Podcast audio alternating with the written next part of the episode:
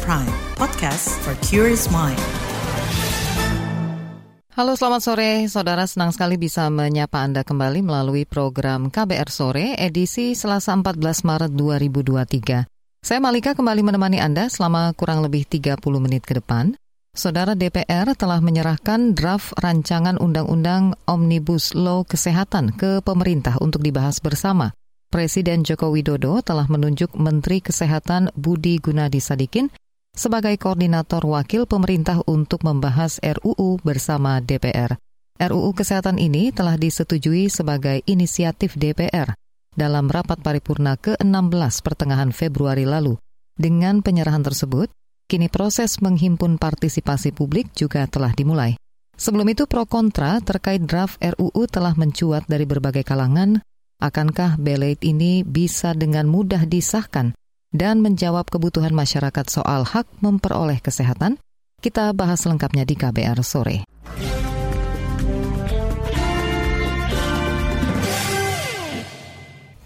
Saudara Kementerian Kesehatan kini tengah menyusun daftar inventarisasi masalah atau DIM di RUU Kesehatan. RUU ini menggabungkan beberapa aturan yang sama soal kesehatan ke dalam satu undang-undang atau dikenal dengan Omnibus Law. Salah satu upaya menyusun DIM ialah dengan mendengar masukan masyarakat melalui dengar pendapat publik.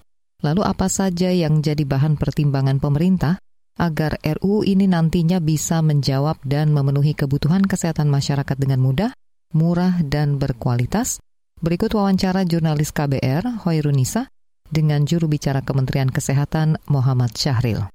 Sejauh ini kondisi fasilitas kesehatan di Indonesia seperti apa, Pak? Mengingat kondisi Indonesia yang luas dan kepulauan, apakah telah mampu menjangkau masyarakat? Sementara ini, kalau dilihat dari data yang ada, memang kita masih kekurangan dari sisi jumlahnya. Yang kedua, dari sisi pemerataannya. Artinya, banyak beberapa daerah di provinsi, termasuk khususnya di kabupaten kota, yang tidak mempunyai dokter spesialis yang harusnya dia menjadi standar di, di sana. Yang kedua, fasilitas pelayanan pelayanan kesehatan. Memang rumah sakit, eh, puskesmas itu sudah ada di seluruh kecamatan di Indonesia ini, termasuk posyandunya untuk layanan primer. Cuma rumah sakit mungkin ada juga beberapa daerah yang harusnya sudah punya rumah sakit tapi belum, sehingga diperlukan penambahan rumah sakit di sini, baik itu rumah sakit yang kelas D sampai ke rumah sakit yang kelas B ya. Dan sebagai informasi, Kementerian Kesehatan telah membangun rumah sakit yang baru loh di tahun 2022 kemarin beresmikan, yaitu di Kupang, kemudian di Papua Papua. Dan saat ini tahun 2023 ini sudah berlangsung pembangunan rumah sakit tambahan yang baru yaitu di Makassar, kemudian di Surabaya dan satu lagi adalah di Pekanbaru atau Riau. Nah ini semua adalah upaya kita untuk mendekatkan akses termasuk mutu layanan kepada seluruh daerah yang ada di Indonesia. Nah tentu saja dengan didirikannya rumah sakit itu pun ada kewajiban kita juga untuk melengkapi alat-alat kesehatan yang diperlukan untuk mendukung diagnosisnya. Lalu bagaimana Bagaimana pula dengan kondisi obat atau farmasi yang murah bagi masyarakat yang harus disediakan pemerintah? Sebetulnya kita sudah punya program obat-obat generik ya. Tapi kan nggak? Itu adalah upaya pemerintah untuk menekan harga obat agar lebih murah atau sangat murah. Karena begitu obat itu menjadi obat paten, bukan obat generik, itu harganya jauh lebih tinggi. Nah yang kedua tentu saja upayanya adalah untuk obat-obat impor itu diharapkan nanti adanya suatu pertimbangan ulang atau reduksi lah untuk pajak-pajaknya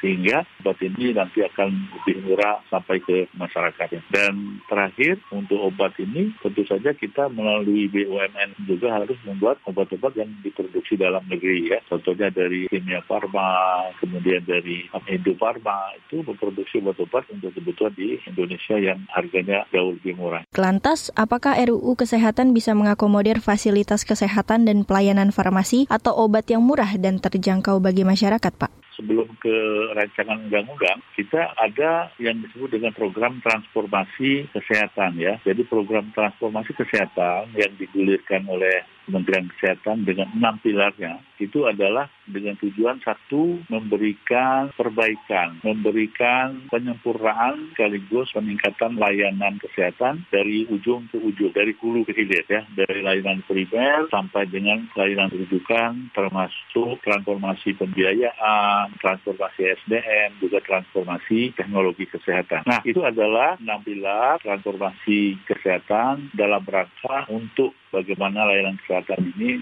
nanti jauh lebih baik dari sebelumnya. Yang kedua, eh, layanan kesehatan dengan transformasi ini diharapkan negara atau pemerintah dalam hal ini itu harus bertanggung jawab, harus hadir untuk mengawal, memfasilitasi semua kebutuhan untuk transformasi ini. Baik itu kebutuhan SDM-nya, kebutuhan alat kesehatannya, obatnya, termasuk pembiayaan-pembiayaan. Bagaimana transformasi ini jauh lebih baik, lebih bermutu dan merata di seluruh tanah air kita, termasuk obat-obatan, alat kesehatan, dan tenaga kesehatan ya. Itu tadi pertimbangan pemerintah agar RUU Kesehatan nantinya bisa menjawab dan memenuhi kebutuhan kesehatan masyarakat dengan mudah, murah, dan berkualitas, sebagaimana dijelaskan juru bicara Kementerian Kesehatan Muhammad Syahril dalam wawancara dengan jurnalis KBR Hoirunisa. Saudara, salah satu hal yang kerap jadi masalah soal kesehatan di masyarakat adalah terkait kualitas pelayanan. Direktur Pelayanan Kesehatan Rujukan, Yuli Astuti Saripawan menyebut, pada dasarnya, fasilitas kesehatan di RUU Kesehatan wajib memberikan pelayanan kepada masyarakat. Berikut pernyataan Yuli saat dengar pendapat publik soal RUU Kesehatan hari ini. Kalau kita lihat pembagian pasienkes itu berdasarkan tingkat pelayanan, kita tahu ada tingkat pertama, kemudian tingkat lanjutan, dan tingkat penunjang. Untuk pembagian sendiri pada pasienkes tersebut dapat bentuk sekarang ini ada yang bergerak maupun statis, di mana diharapkan fasilitas pelayanan kesehatan wajib memberikan layanan kepada masyarakat dengan mengutamakan layanan kesehatan yang sifatnya kuratif, rehabilitatif, dan atau paliatif kepada pasien secara maksimal sampai memperoleh kesembuhan. Ini substansi yang ada. Nah, Kemudian kita perdalam lagi tentang fasilitas pelayanan kesehatan tingkat pertama di mana menyelenggarakan pelayanan kesehatan primer dalam penyelenggaraan pelayanan kesehatan dapat dilakukan integrasi pelayanan antar fasilitas pelayanan kesehatan. Pada fasilitas integrasi pelayanan kesehatan tingkat primer ditunjukkan untuk mendukung pelaksanaan program pemerintah terutama pelayanan kesehatan yang sifatnya promotif, preventif. Itu tadi Direktur Pelayanan Kesehatan Rujukan Yuli Astuti Saripawan. RUU Kesehatan rencananya akan mencabut 9 undang-undang dan mengubah 4 undang-undang. Undang-undang yang dicabut itu antara lain Undang-Undang tentang Wabah Penyakit Menular, Praktik Kedokteran, Undang-Undang Kesehatan, dan Undang-Undang Rumah Sakit. Sedangkan undang-undang yang diubah yaitu Undang-Undang tentang Sistem Jaminan Sosial Nasional, UU BPJS, Sistem Pendidikan Nasional, dan Undang-Undang Pendidikan. RUU Kesehatan nantinya terdiri dari 20 bab dan 478 pasal. Nah, saudara, laporan khas KBR berjudul Polemik BPJS dalam RUU Kesehatan akan kami hadirkan sesaat lagi. Tetaplah di KBR sore. You're listening to KBR Pride, podcast for curious mind. Enjoy!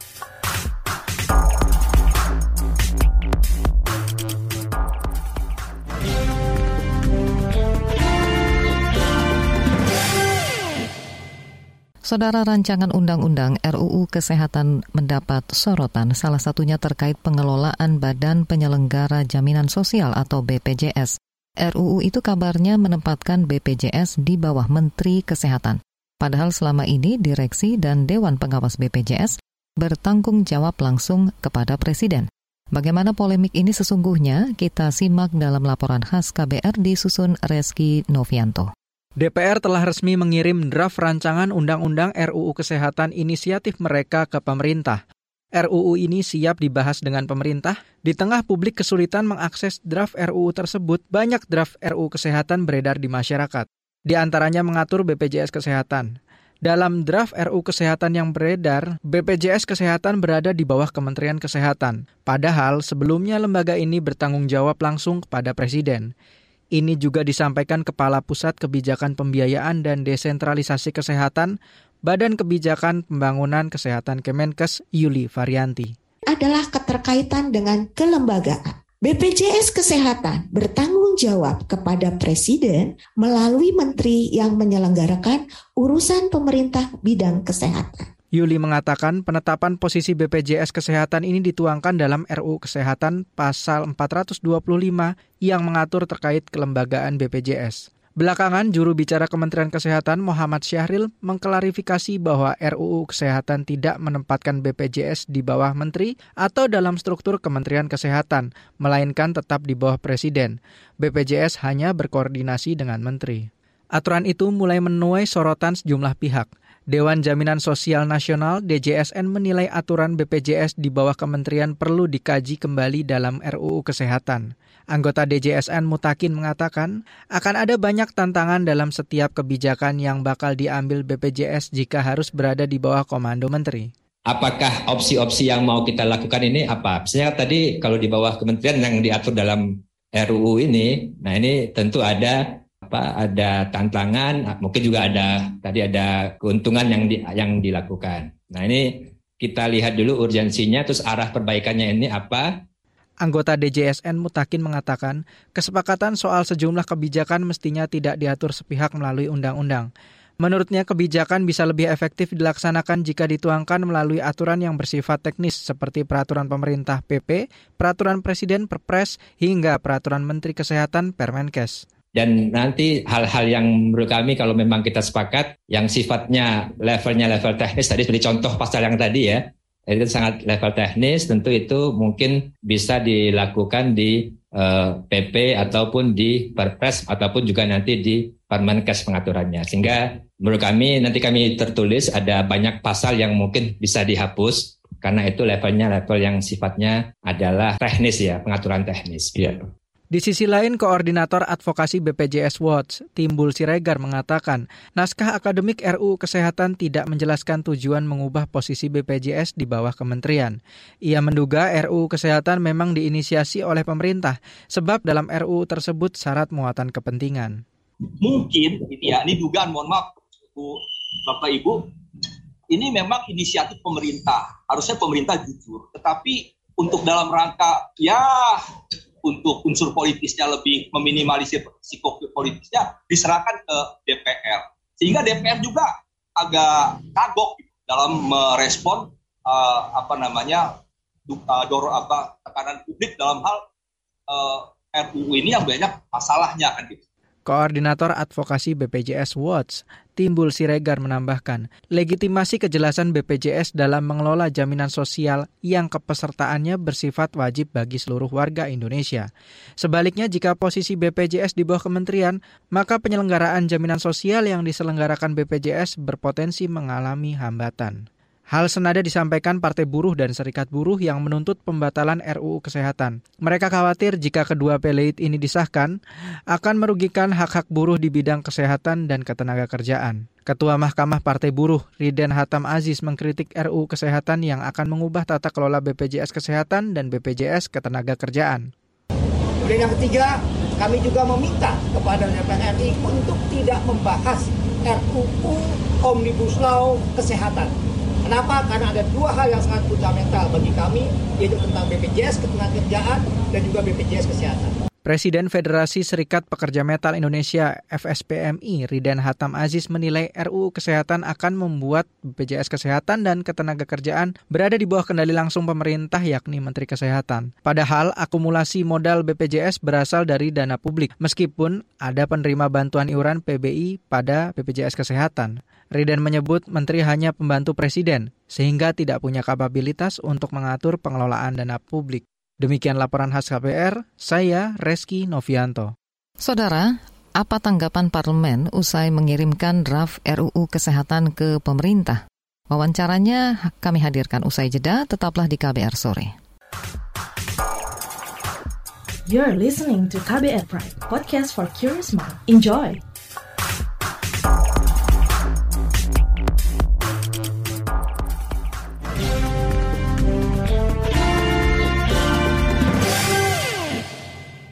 Saudara, pengamat kebijakan publik meminta pemerintah memasukkan poin memastikan pelayanan kesehatan dan obat-obatan yang mudah dan murah ke dalam rancangan undang-undang kesehatan. Pengamat juga menilai masih banyak masalah seputar kesehatan yang harus diakomodasi dalam belet itu.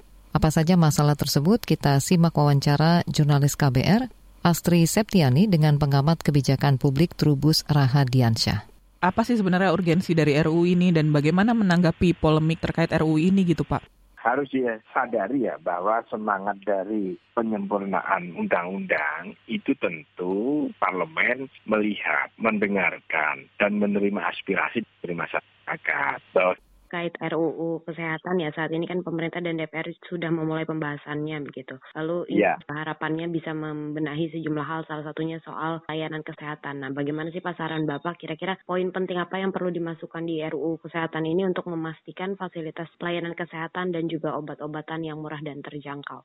Poin penting yaitu peran organisasi profesi itu jangan dihilangkan. Jadi itu yang diperkuat malah. Kan ini semuanya kan mau ditarik ke Kementerian Kesehatan semua. Jadi menjadi tanggung jawab kementerian. Tapi saya rasa memang organisasi profesi masih masih ada itu. Masih diperankan. Yang kedua tentu yang perlu juga di ini bagaimana peningkatan layak. Sebenarnya persoalan layanan kan yang penting itu bagaimana kemudian rumah sakit-rumah sakit baik yang ada di pusat, daerah, dan swasta juga itu bisa satu kualitas yang sama gitu kualitas yang sama termasuk juga di rumah sakit rumah di Indonesia yang harusnya juga punya kesamaan dengan yang ada di luar negeri jadi kalau orang sakit kita tidak perlu lagi berobat ke, Singapura atau ke luar negeri tapi harus tetap di Indonesia gitu, Pak. jadi itu yang paling penting yang ketiga ya menurut saya bagaimana sesungguhnya nanti Kementerian Kesehatan itu ke depannya mampu membawa ini banyaknya graduate ya lulusan-lulusan fakultas kedokteran yang begitu begitu menjamur sekarang ini, kemudian mereka tidak menjadi pengangguran gitu. Jadi mereka tetap harus bisa mengisi kebutuhan-kebutuhan tentang layanan kesehatan. Uh, pelayanan kesehatannya juga untuk pemerataan ya Pak. Jadi untuk yang daerah, iya. daerah juga ya. Pak, pemerataan di daerah itu. Jadi kan masih banyak daerah-daerah ini, pulau-pulau terluar, daerah perbatasan, daerah tanah tertinggal itu hampir minim tentang layanan kesehatan. Nah, kalau di kota itu sampai numpuk-numpuk, Mbak. Jarak di daerah itu kan harusnya untuk pulau daerah-daerah terpencil itu harusnya terlayani semuanya, Mbak, sama. Jadi kan ada sekarang ini satu kabupaten adanya rumah sakit terus sama ke daerah doang. Puskesmas, puskesmas juga nggak ada. Satu kecamatannya ada satu puskesmas, sering kali seperti itu. Sehingga masyarakat yang harusnya berobat memeriksakan kesehatannya, layanan pelayanan kesehatan di, di puskesmas itu jauh dari tempat tinggalnya, Mbak. Oh. Ini masalah pemerataan memang menjadi problem tersendiri gitu. Jadi artinya masih banyak kok masyarakat kita itu tidak terlayani secara kesehatan ya. Kemudian apa aja sih Pak eh, tantangan dan permasalahan kebijakan pemerintah soal fasilitas kesehatan dan obat-obatan di Indonesia saat ini? Mungkin salah, salah satunya tadi udah di-mention ya soal pemerataan fasilitas kesehatan yang masih kurang. Mungkin ada tambahan-tambahan lainnya Pak, tantangan? Ya menurut saya yang paling penting adalah bagaimana kemudian bukan aja pemerataan saja, tapi murahnya itu loh Mbak. Jadi terjangkau murah itu yang penting. Artinya obat-obat itu ya memang seperti di India itu semua obat kan harganya terjangkau murah gitu loh Pak. Jadi harusnya Indonesia itu ada obat-obat yang sama ini kan hanya obat generik yang dilaksanakan di apotek-apotek terbatas. Tapi kemudian juga ini Mbak, apa namanya, dia pokoknya dia mahal gitu, nggak terjangkau. Itu yang penting sebenarnya konteksnya itu Mbak, bagaimana supaya terjangkau. Itu aja Mbak. Gimana sih Pak harapannya untuk RUU kesehatan ini? Siapa aja pihak pihak yang kira-kira perlu terlibat dalam pembahasannya dan bagaimana pentingnya keterbukaan dan partisipasi publik dalam perumusan RUU ini? Ya kalau saya RU ini harus banyak partisipasinya dari karangan ini organisasi profesi itu yang harus dilibatkan. Mbak. Selain juga ini kalangan perguruan tinggi, mbak. termasuk juga ini Mbak apa untuk pramu-pramu obat tradisional dulu Mbak. Yang menurut tradisional itu harusnya dilibatkan semua itu. Termasuk lidahnya adalah daerah-daerah itu banyak sekali yang harus dilibatkan. Jadi keterlibatan layanan kesehatan di daerah itu yang penting Mbak. Itu harus dilibatkan semua. Jadi karena ini omnibus law jangan hanya semata-mata apa di diurus oleh pemerintah pusat saja gitu jadi seolah terpusat itu jadi harus terbuka lah gitu jadi yang penting itu mbak Pengamat kebijakan publik Trubus Rahadiansyah menanggapi Omnibus Law RUU Kesehatan khususnya terkait perbaikan kualitas pelayanan kesehatan bagi masyarakat. Usai jeda kita simak bagaimana tanggapan parlemen. Tetaplah di KBR sore. You're listening to KBR Pride, podcast for curious mind. Enjoy.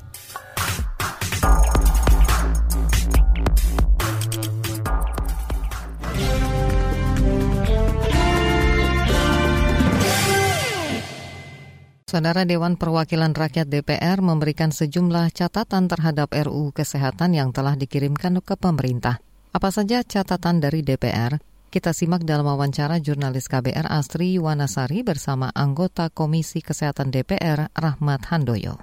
Apa sih sebenarnya urgensi dari RUU ini dan bagaimana menanggapi polemik terkait RUU ini gitu Pak? harus disadari ya bahwa semangat dari penyempurnaan undang-undang itu tentu parlemen melihat, mendengarkan, dan menerima aspirasi dari masyarakat bahwa sistem kesehatan kita itu perlu disempurnakan. Ada beberapa kelemahan, bahkan ketidakadilan yang ada di sistem kesehatan kita itu. Salah satu yang bentuk ketidakadilan adalah Indonesia itu luas, tapi kenapa yang diberikan fasilitas dokter spesialis itu hanya terpusat di Pulau Jawa dan kota-kota besar. Nah, sebagai ilustrasi ya, saya sedih mendengar ketika warga Ambon kena serangan jantung. Untuk sebatas ring saja, tidak ada fasilitas kesehatan di sana atau dokter spesialis di sana. Dan harus dibawa ke Makassar. Coba bayangkan, itu adalah ketika nahan jantung harus dipasang ring mendadak, ya keburu meninggal dunia untuk dibawa ke Makassar. Dan di Makassar pun juga antrinya panjang, di Jakarta juga panjang. Nah ini adalah kasus dokter spesialis jantung saja. Belum dokter-dokter spesialis yang lain yang hanya tersentral di Pulau Jawa dan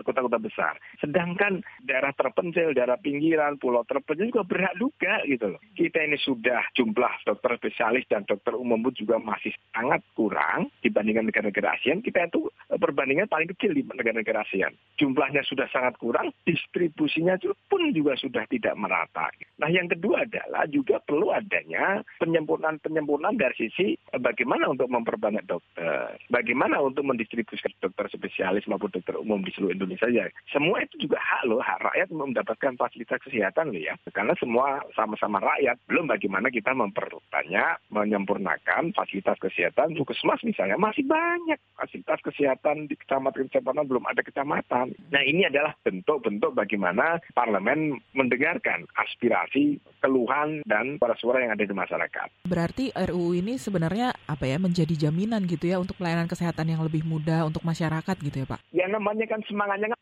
perbaikan penyempurnaan ya. Ya buat apa kalau malah justru tidak lebih baik lagi? Harapannya kita kan bagaimana sistem kesehatan dari hulu sampai hilir, baik dari pelayanan kesehatan, dari SDM kesehatan, dan fasilitas-fasilitas pendukungnya harus kita semurkan kita lebih baik lagi. Sehingga ada juga keluhan, kita belum menjadi tuan rumah di negeri sendiri, triliunan rupiah per tahun keluar ke Singapura, ke Malaysia, dan negara yang lain hanya untuk sebatas check up. Nah ini kan juga harus kita sempurnakan lagi, kita perbaiki lagi lagi. Kita kalau soal SDM kita nggak kalah dengan negara-negara Singapura maupun Malaysia. Cuman inilah yang harus kita sempurnakan. Jadi intinya parlemen dalam rangka menyempurnakan atau perbaikan sistem kesehatan ini dalam rangka untuk perbaikan kesehatan secara holistik yang lebih baik lagi begitu. Apa saja sih Pak maksudnya yang menjadi catatan dari orang-orang yang memang tidak setuju ini gitu Pak? Saya juga sebenarnya juga bertanya seolah-olah RUU kesehatan itu tidak urgent, dipaksakan. Saya bertanya, lah ada suara rakyat bagaimana orang yang harus mendapat fasilitas kesehatan di terpencil di luar Jawa sana, itu apakah tidak urgent? Nah kalau tidak dirubah, maka pemerintah pun juga tidak bisa mendistribusikan dokter spesialis. Karena itu ditolak ketika pemerintah mewajibkan kebijakan untuk mendistribusikan spesialis, tapi para dokter menolak, kemudian menggugat di Mahkamah Agung, kemudian Mahkamah Agung mengabulkan gugatan dari para dokter spesialis. Artinya apa? Negara tidak punya campur tangan dalam rangka mendistribusikan dokter spesialis ini. Ke hal-hal yang kontra ini saya kira terutama teman-teman sejawat ID dan yang lain. Apa ketidaksetujuan, apa keberatan? Itu yang menjadi temu yang menjadi. Kita cari jalan tengah cari yang terbaik. Kalau seandainya kita tidak ubah ketidaksetujuan itu tidak dirubah dengan tidak menyempurnakan RU kesehatan. Kita sedih. Rakyat Indonesia luas, wilayah luas. Sehingga bagaimana untuk menyempurnakan? Mereka juga tidak bisa memberikan solusi. Untuk itu saya kira, ya kita tetap kita hormati keberatan, kita setujuan itu kita hormati. Tetapi paling tidak, ayo kita berpikir yang lebih besar lagi, yaitu adalah distribusi dan keadilan kesehatan kita harus merata. Anggota Komisi Kesehatan DPR Rahmat Handoyo Saudara perbincangan tadi menutup jumpa kita di KBR Sore edisi Selasa 14 Maret 2023. Pantau selalu informasi terbaru melalui situs kbr.id, Twitter kami di akun @beritaKBR serta podcast di kbrprime.id. Saya Malika bersama tim yang bertugas undur diri. Salam.